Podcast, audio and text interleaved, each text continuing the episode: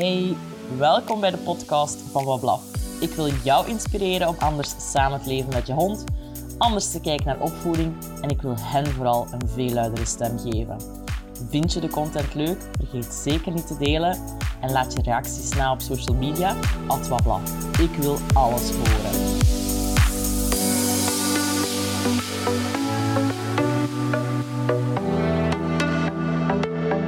Welkom bij de Bewuste Hondenmoeders. Ik zit hier vandaag samen met Katrien de Klerk en we gaan het hebben over het ethisch verantwoord houden van honden. Een lekker zwaar thema. Um, Katrien is verpleegkundige met een uit de hand gelopen hobby. En Katrien, ik ga je zelf ja, even laten uitleggen wie jij bent voor de luisteraars. Ja, dus in eerste instantie uiteraard verpleegkundige, 34 uur per week. En dan die uit de hand gelopen hobby die ondertussen al 19 jaar bezig is. een beetje uit de hand gelopen. Een beetje uit de hand gelopen, waarbij dat ik me nu volgens de uh, diploma's hondengedragsdeskundige zou mogen noemen, met een postgraduaat. Companion Animal Behavior and Welfare. Maar ah, je hebt die ook op Odyssey gevolgd? Ja, inderdaad. Nu, ik vind het moeilijk om mezelf deskundige te noemen. En soms denk ik, als ik naar een, uh, naar een consult ga, van weet ik eigenlijk wel genoeg, maar dan als de mensen mij vragen stellen, dan kom ik eigenlijk wel tot de conclusie dat ik heel vaak een antwoord kan formuleren. Dus laat ons zeggen dat ik meer dan de doorsnee hondeneigenaar ja. weet wat een hond wil bedoelen of zo. Maar uh, ja, mezelf deskundige noemen vind ik moeilijk, maar ik ben professioneel bezig als bijberoep voor het coachen van uh, hondeneigenaars. En je bent ook specifiek bezig met puppies, hè? Ja, ik probeer mij vooral toe te leggen op puppies, omdat ik heb gemerkt dat als ik met volwassen honden aan de slag ga, dat ik heel veel continuïteit moet kunnen bieden in de afspraken voor de follow-up. En gezien mijn hoofdberoep is dat niet altijd mhm. makkelijk. Terwijl dat je met pups eigenlijk in één of twee consulten heel vaak richting kan geven aan de mensen en dan zijn ze eigenlijk vertrokken. En kan die follow-up iets losser gebeuren qua afspraaktypes. Ja. Ja, het is inderdaad dat, ja, de verwachting dat je daar zelf aan koppelt natuurlijk. Ja. Ik heb het dan eerder voor de, ja. de intensere uh, opvolging. Hoewel dat, dat eigenlijk, dat ik de mensen daar wel heel los in laat. Um, maar goed, puppies. Um, wat is voor jou belangrijk als we kijken naar ja, in eerste instantie het samenleven met puppies? Waar ik uh, voornamelijk tegen aanloop in het, in het begeleiden van mensen met een pup, dat is dat ze heel vaak heel gefocust zijn op het afleren van bepaalde gedragingen. Um, waarbij dat ze mij dan consulteren met de vraag van ik wil niet dat mijn pup gedrag A stelt. En ik telkens weer moet teruggrijpen naar ja, maar wat wil je dan wel dat je puppy doet? En het feit dat die pup problemen stelt in het gezin, is eigenlijk voor mij normaal hondengedrag. Maar waarbij de mensen niet tegemoetkomen aan die leeftijdsspecifieke behoeftes. Waarbij, waardoor dan mensen dan tegen, tegen die mond van die pup gaan aanlopen. Want heel veel problemen bij pups is eigenlijk mondgedrag of gedrag dat voortkomt uit een orale behoefte. Je zegt tegen de mond lopen, die orale fase bij puppies, dat is iets wat uh, voor veel frustratie zorgt bij mensen. Hè? Enorm veel frustratie. En ik begrijp het ook. Maar als je weet hoe puppies in elkaar zitten en hoe de ontwikkelingsfases van pups verlopen, dan weet je dat heel veel van het gedrag van die pup, van die tijdsbesteding, met zijn mond zal gebeuren. Mhm. En daar wringt eigenlijk het schoentje Mensen nemen dan al heel vaak een hond zonder ze eigenlijk weet hebben van de behoeftes van de pup. Ehm, dus ze voorzien één of twee of drie speeltjes en voor de rest eigenlijk verder een saaie omgeving.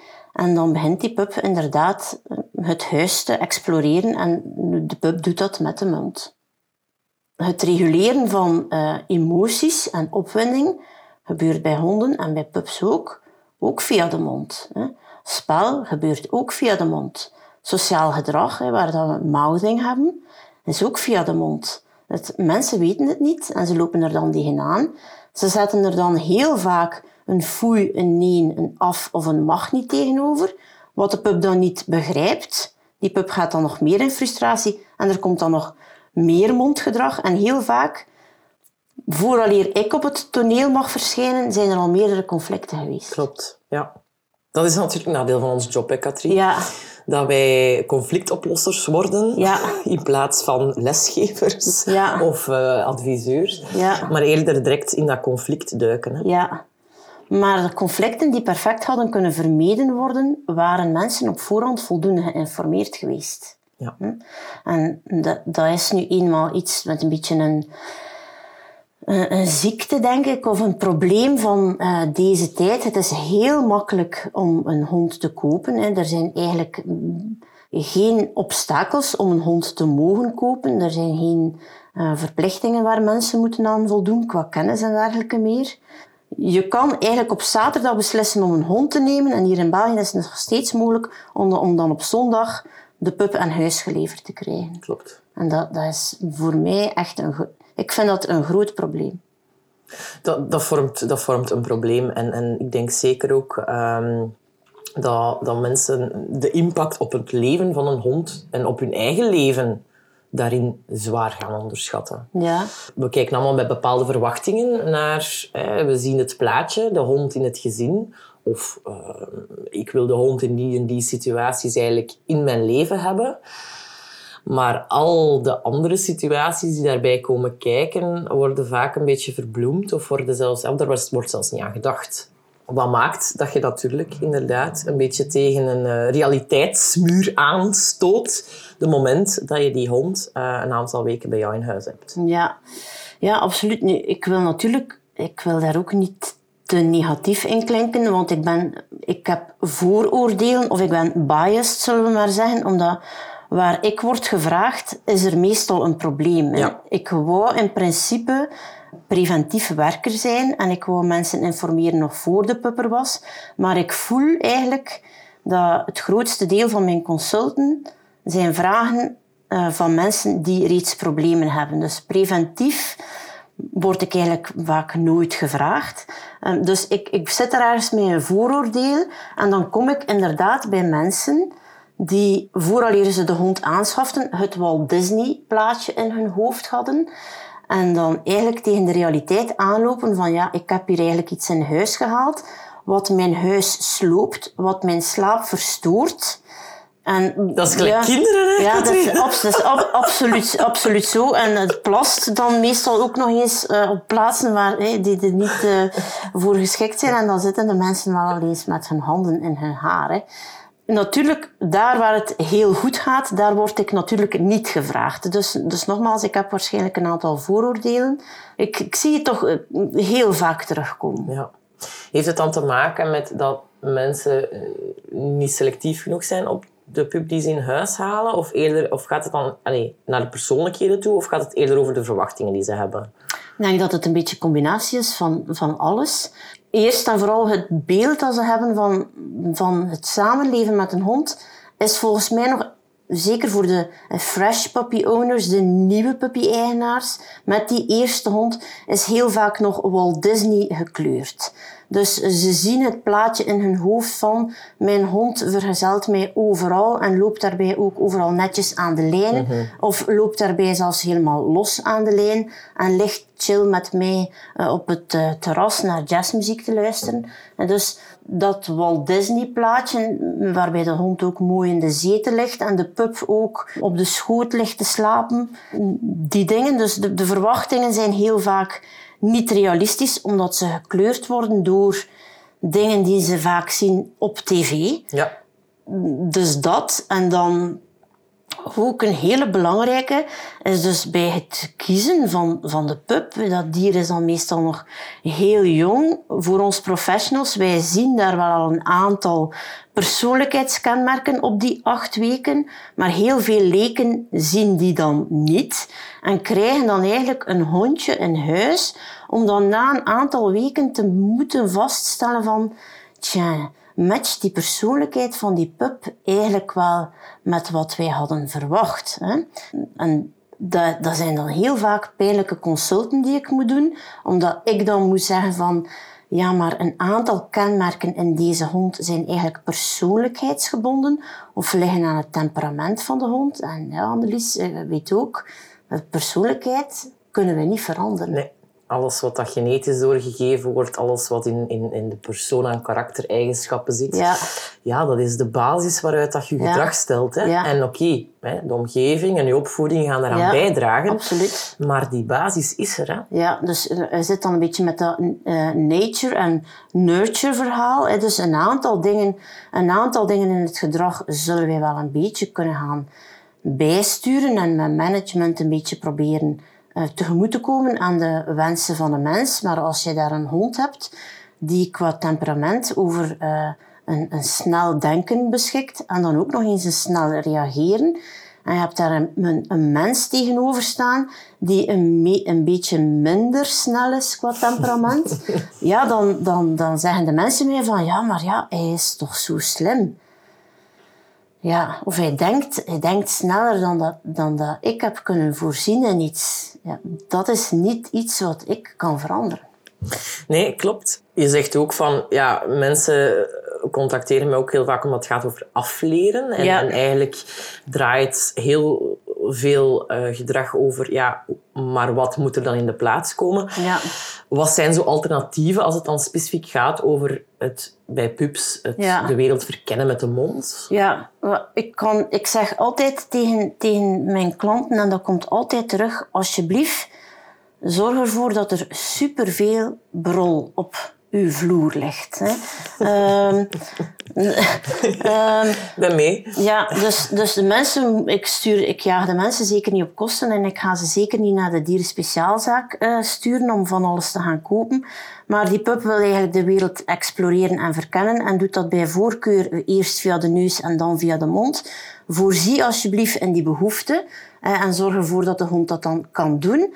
En daaraan gekoppeld, en dat is een hele belangrijke ook, Beloon uw hond dan op het ogenblik dat hij bezig is met exploreren op een manier dat jij het wenst te zien. Want wat ik dan heel vaak zie, is dat de pup is braaf bezig met iets en de mensen zijn bezig met, het, met, hun, met hun eigen drukke leven, zijn bezig op de computer of op hun smartphone, op hun socials en ze geven geen aandacht aan die hond. En van het ogenblik dat die hond dan ja, zoiets heeft van, ja, ben, ja, ben beu geëxploreerd hier op de grond, er ligt niks meer, hij gaat met zijn poten op de tafel gaan staan voor te kijken van misschien is er in de hoogte iets te vinden. Dan pas komt de mens in actie. Ja, dan, krijgen ze aandacht. Dan krijgt de hond aandacht en de mensen vergeten dat die hond in eerste instantie sociaal gemotiveerd is. En dat hij dan heel snel leert van ja, zolang ik bezig ben op de grond met, met mijn eigen brol, zal ik maar zeggen, krijg ik van de mens geen aandacht. Maar van zodra ik in de hoogte ga, dan krijg ik ineens veel emotie terug van de mens. Dus wat leert die hond daarvan? Ja, mij op mezelf bezighouden met iets, dat levert mij eigenlijk niks op. Maar als ik in de hoogte ga, dan heb ik win-win. Want hoogstwaarschijnlijk vind ik dan nog kruimels op de tafel. en komt de mens ook nog eens. Ja. Komt de mens ook nog eens in, in actie. Dus ik zeg altijd, maar het is heel moeilijk voor mensen om dat om te keren. Hè? Want, eh, wij zijn ook zo aangeleerd geweest. Ja, absoluut, absoluut. Maar wij zijn zo opgevoed. Hè? Wij zijn zo opgevoed. Als wij kind waren, was het ook altijd zo dat uh, je komt dan naar huis met een rapport met 7 keer 8 op 10 en 1 keer 2 op 10. En die krijgt dan de meeste aandacht. Ja. Uh, maar bij pups zie ik heel vaak dat het ook zo is dat de pup eigenlijk geen informatie krijgt van de eigenaar als hij het goed aan het doen is en als hij gedrag aan het stellen is dat mensen graag willen zien, maar dan wel aandacht krijgt op momenten dat hij gedrag stelt dat mensen liever niet willen zien. En dat probeer ik in mijn consulten zoveel mogelijk om te draaien. Van alsjeblieft, geef die hond informatie als die gedrag stelt dat jij graag wenst te zien.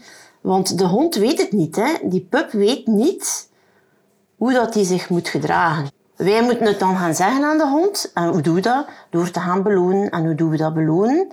Gewoon door te zeggen van, dat is wat we graag willen zien. Door onze liefde en onze aandacht te geven op het moment dat dat diertje doet wat wij willen zien. En dat we zeker niet voor vanzelfsprekend mogen nemen wanneer het goed gaat. Ja. Dat, moet, dat moet ik ook heel vaak zeggen tegen de mensen. Je praat over die sociale behoeften. Ja. Ehm, het feit dat mensen eigenlijk hun aandacht pas richten op het moment dat het niet goed gaat. Mhm. Wat zijn zo nog uh, dingen die je ervaart, de sociale behoeften van een pup in combinatie met problemen die mensen ervaren? Ik vind dat een moeilijke vraag. Ehm, maar wat er dan natuurlijk als eerste de kop opsteekt, is de vragen die je krijgt van mensen van help, mijn pup kan niet alleen zijn. Ja. Hm? En waarbij het verhaal dan heel vaak is, de pup wordt aangeschaft, er wordt één week verlof voorgenomen, of de pup komt in een verlofperiode. Uh, in het beste geval zijn de mensen één week of negen dagen thuis en dan wordt die pup onmiddellijk voor een volledige dag alleen gelaten de, het probleem ligt daar zonder twijfel aan de sociale behoeften van de pup. Of de pup wordt aangekocht, wordt de, de eerste dag, de volledige dag oversteld met aandacht. Dus als de buren komen waarschijnlijk al eens kijken. En dan s'avonds wordt de pup in de bench geplaatst, of in het beste geval in een afgesloten ruimte, bijvoorbeeld de keuken. En iedereen verdwijnt uit het beeld en het licht gaat uit. Ja. Dan begint die pup te schreeuwen. Dat is sociaal gemotiveerd gedrag. Ja. En dat is normaal gedrag. Hè? Dat is, als de mensen zeggen mij, ik kan niet alleen blijven, en dan is mijn antwoord erop, ja, maar dat is normaal. Honden hebben nabijheid nodig. Voilà, absoluut. Het zijn in eerste instantie sociale wezens. En wij hebben ze dan ook nog eens genetisch zodanig doorgefokt en voorgeselecteerd om graag bij de mensen aanwezig te zijn. Dus ze zijn genetisch geselecteerd op, het, op die drive, om die drive te hebben om dicht bij de mens te zijn. En de mens koopt de hond dan als deel van de vrije tijdsbesteding en verwacht dat gedurende de rest van de tijd, waar de mens eigenlijk geen tijd heeft voor de hond, maar dan zijn andere paden heeft van vertier, dat die hond het aan kan om alleen te zijn. En dat is geen vanzelfsprekendheid. En ik ben altijd blij bij de consulten die ik doe, waar het enige probleem dan het bijtgedrag is of het hapgedrag.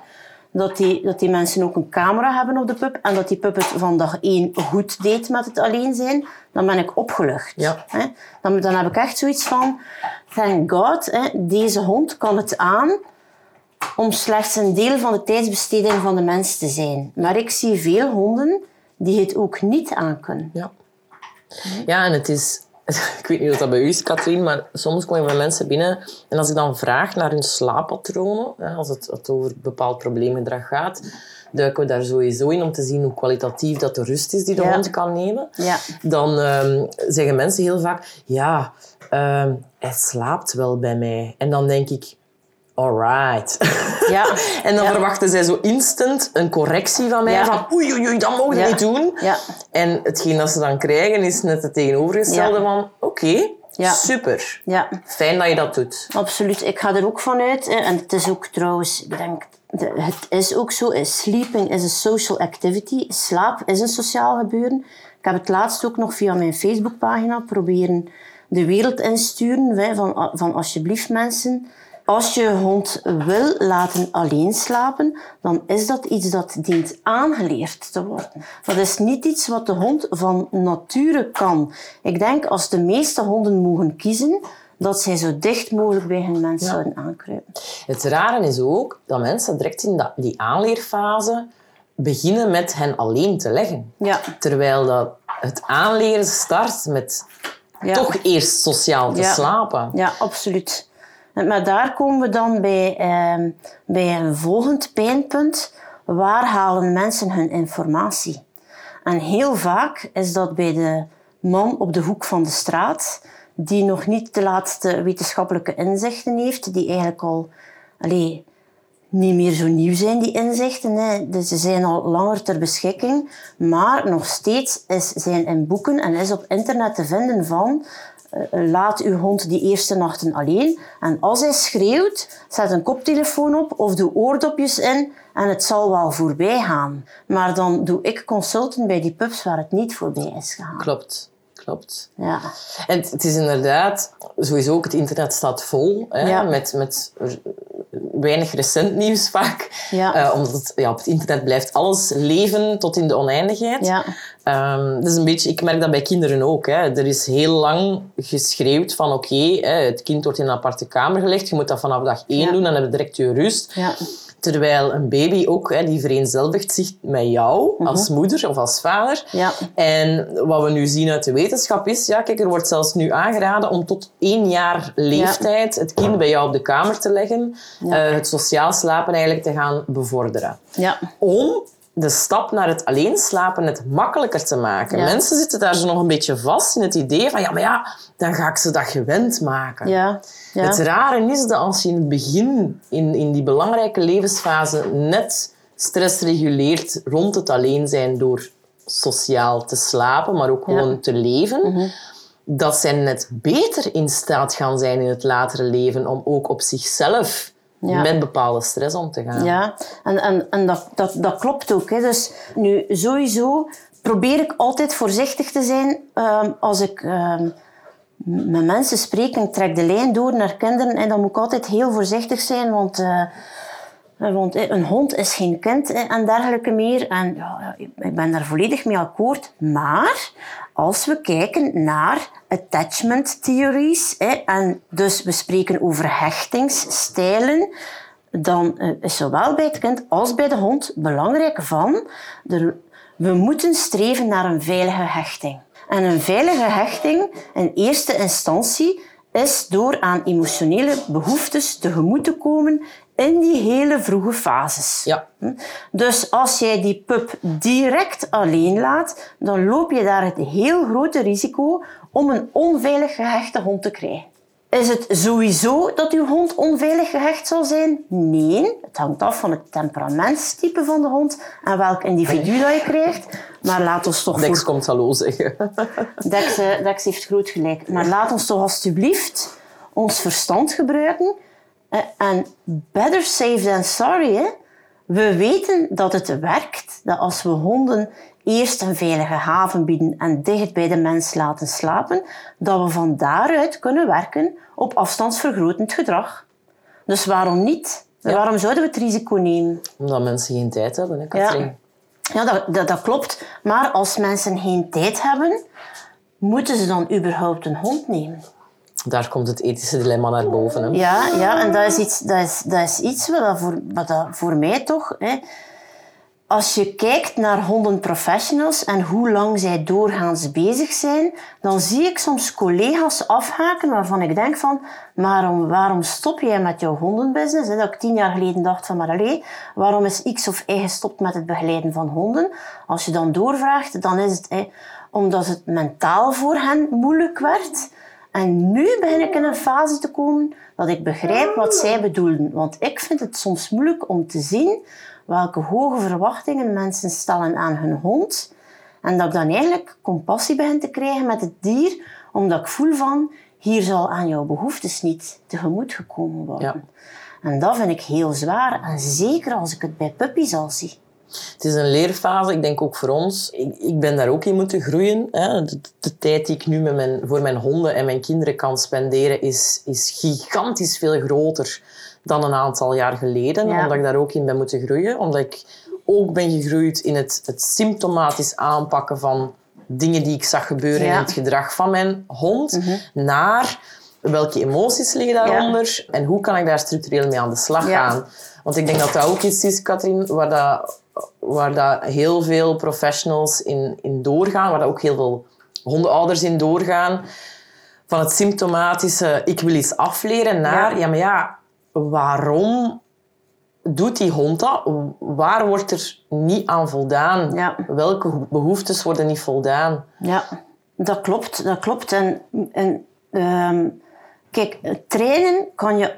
Een hond trainen kan je altijd doen. Maar sommige dingen vragen in eerste instantie aandacht voor het emotionele aspect. En als we dan met gedragsmodificatie gaan werken, zitten we altijd met een, belangrijk gegeven van enerzijds gaan we kijken hoe dat we die emotie, hoe dat we die hond kunnen tegemoetkomen in die, in, in die emotie. En dan kunnen we een aantal, dan kunnen we de hond een aantal vaardigheden maken die het voor de hond, die de hond verder zullen ondersteunen in het reguleren van zijn emoties. Maar het kan nooit, het kan nooit alleen training zijn. En dat weet ik uit ervaring, omdat ik drie jaar heb doorgetraind mijn hond en het probleem werd enkel erger. Omdat die emotie niet gezien werd. Inderdaad, omdat die emotie niet gezien werd. En ik wou eigenlijk doorgedreven gehoorzaamheid doen. Dat was mijn behoefte. Mijn behoefte was van, ik wil hier eigenlijk met die hond hoge ogen gooien. Hè. Ik wou hem eigenlijk een beetje gebruiken als het verlengde van mezelf en om te tonen van, kijk eens hoe goed ik kan trainen. Terwijl dan mijn hond eigenlijk daar totaal geen zin in had en zich eigenlijk ook helemaal niet goed voelde onder die druk van ik moet het hier goed doen. Hm? En dat is wat ik nu ook probeer te vertellen aan de mensen van ehm, wees voorzichtig met het projecteren van uw eigen behoeftes op die hond en kijk naar het individu dat je voor u hebt. Als jullie samen hoge ogen willen gooien. En als die hond graag in de schrijnwerpers wil staan, go for it. Mhm. Maar ik vind het maar zo eerlijk van als mens uw eigen behoeften opzij te zetten als je ziet dat het niet is wat jouw hond wil. Dat vind ik. Hè. En dan zeggen mensen tegen mij, als ik dan spreek met mensen die die niet huisdier-eigenaren zijn, dan zeggen ze mij van, Katrien, maar daar vraag je dan toch een enorme investering van de mens. En dan vraag je toch eigenlijk aan de mens om, zichzelf een beetje opzij te zetten. En ik vind ook, ik, en daar, daar, daar sta ik nu achter, als je ervoor kiest van een hond te nemen, dan dien je het risico erbij te nemen dat je 13 jaar een individu aan je zijde hebt dat mogelijk een handicap met zich meedraagt. En dat hoeft dan geen, geen handicap te zijn in, het zin van, in de zin van het woord van het fysieke. Maar voor jou kan het als een handicap aanvoelen als jij jouw hond niet kan meenemen naar een sociaal gebeuren, zoals bijvoorbeeld de Hense feesten. Als jij een hondje hebt dat niet kan omgaan met zoveel mensen en zoveel huren op één plaats en zoveel geluiden, dan vind ik niet dat je dat moet proberen trainen. Want dat gaat voor die hond veel te moeilijk zijn en hij gaat het niet leuk vinden. Dan vind ik dat je moet zeggen van of ik ga niet naar de Hense feesten of ik, ik zorg ervoor dat mijn hond kan thuisblijven en dat hij dat dan ook aan kan. Ja. Ja. Het is een beetje like dat je zegt, Katrien. Er, wordt, er ligt heel veel uh, investering bij de mens. Ja. En ik denk dat dat ook een beetje de kern is van ons verhaal. Ja waarbij dat mensen dat luikje net gaan onderschatten. hè? Um, net zoals dat mensen het misschien soms onderschatten hoe het met kinderen kan zijn. Hoewel het door heel veel generaties wordt verteld van pas op, het verandert je leven drastisch. En toch blijven wij maar vasthouden, ja maar ja, ik wil wel nog altijd kunnen doen wat ik daarvoor ook deed. Klopt. En dat kan niet. Je kan geen ouder worden van een hond of van een kind... Mhm en exact dezelfde levens... Ja, ja. mindset, uh, activiteiten, uh, structuur aanhouden. Dat kan niet. Je zit met extra individuen ja. die je meeneemt op je pad ja. en waar dat je toch een bepaalde verantwoordelijkheid voor hebt te nemen. En het is net door te geven en te voorzien in die behoeftes dat zij kunnen groeien, kunnen ontwikkelen tot zelfstandige individuen. Ja. Um, en dat maakt wel dat die bubbel heel vaak doorprikt wordt. Ja, ja.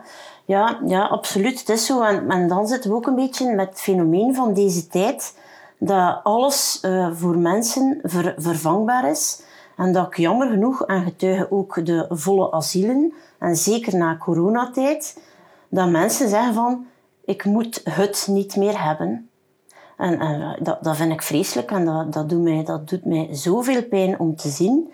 En tegelijkertijd zie ik ook dat, want we weten allemaal, die houden honden, die lopen daar buiten, die, die zijn er. Dat zijn van die, van die zoetjes die zich vanaf dag één conformeren aan het gezin, uh, waarvan dat ik dan zie dat het gezin niet weet te appreciëren wat ze in huis hebben. Welke parel of welk gem of welk juweel ze aan hun zijde lopen hebben, waarvan ik zie van ja, die, die mens neemt het hier maar vanzelfsprekend dat die hond zo volgzaam is en zich zo in dat vakje laat plaatsen. Um, en en dat, dat zie je bijna, ik zie het bijna wekelijks op straat. Hè, dat, ik, uh, dat ik mensen met een hond zie lopen en dan, ze dan, dat ik dan zie dat die hond een ruk krijgt omdat hij staat te snuffelen aan iets.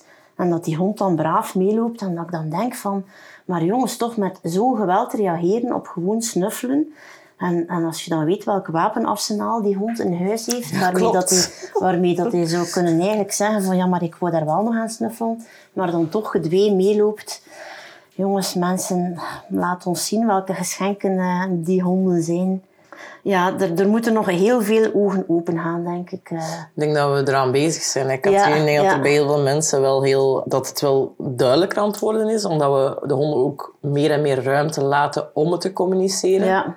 Ik hoop dat dat ook alleen maar meer gebeurt. Ook bij onze kinderen trouwens. Als er nog één ding is dat je zegt van... Eh, dat is wat ik, wat ik mensen die voor een hond nu gaan kiezen wil meegeven. Wat zou het dan zijn?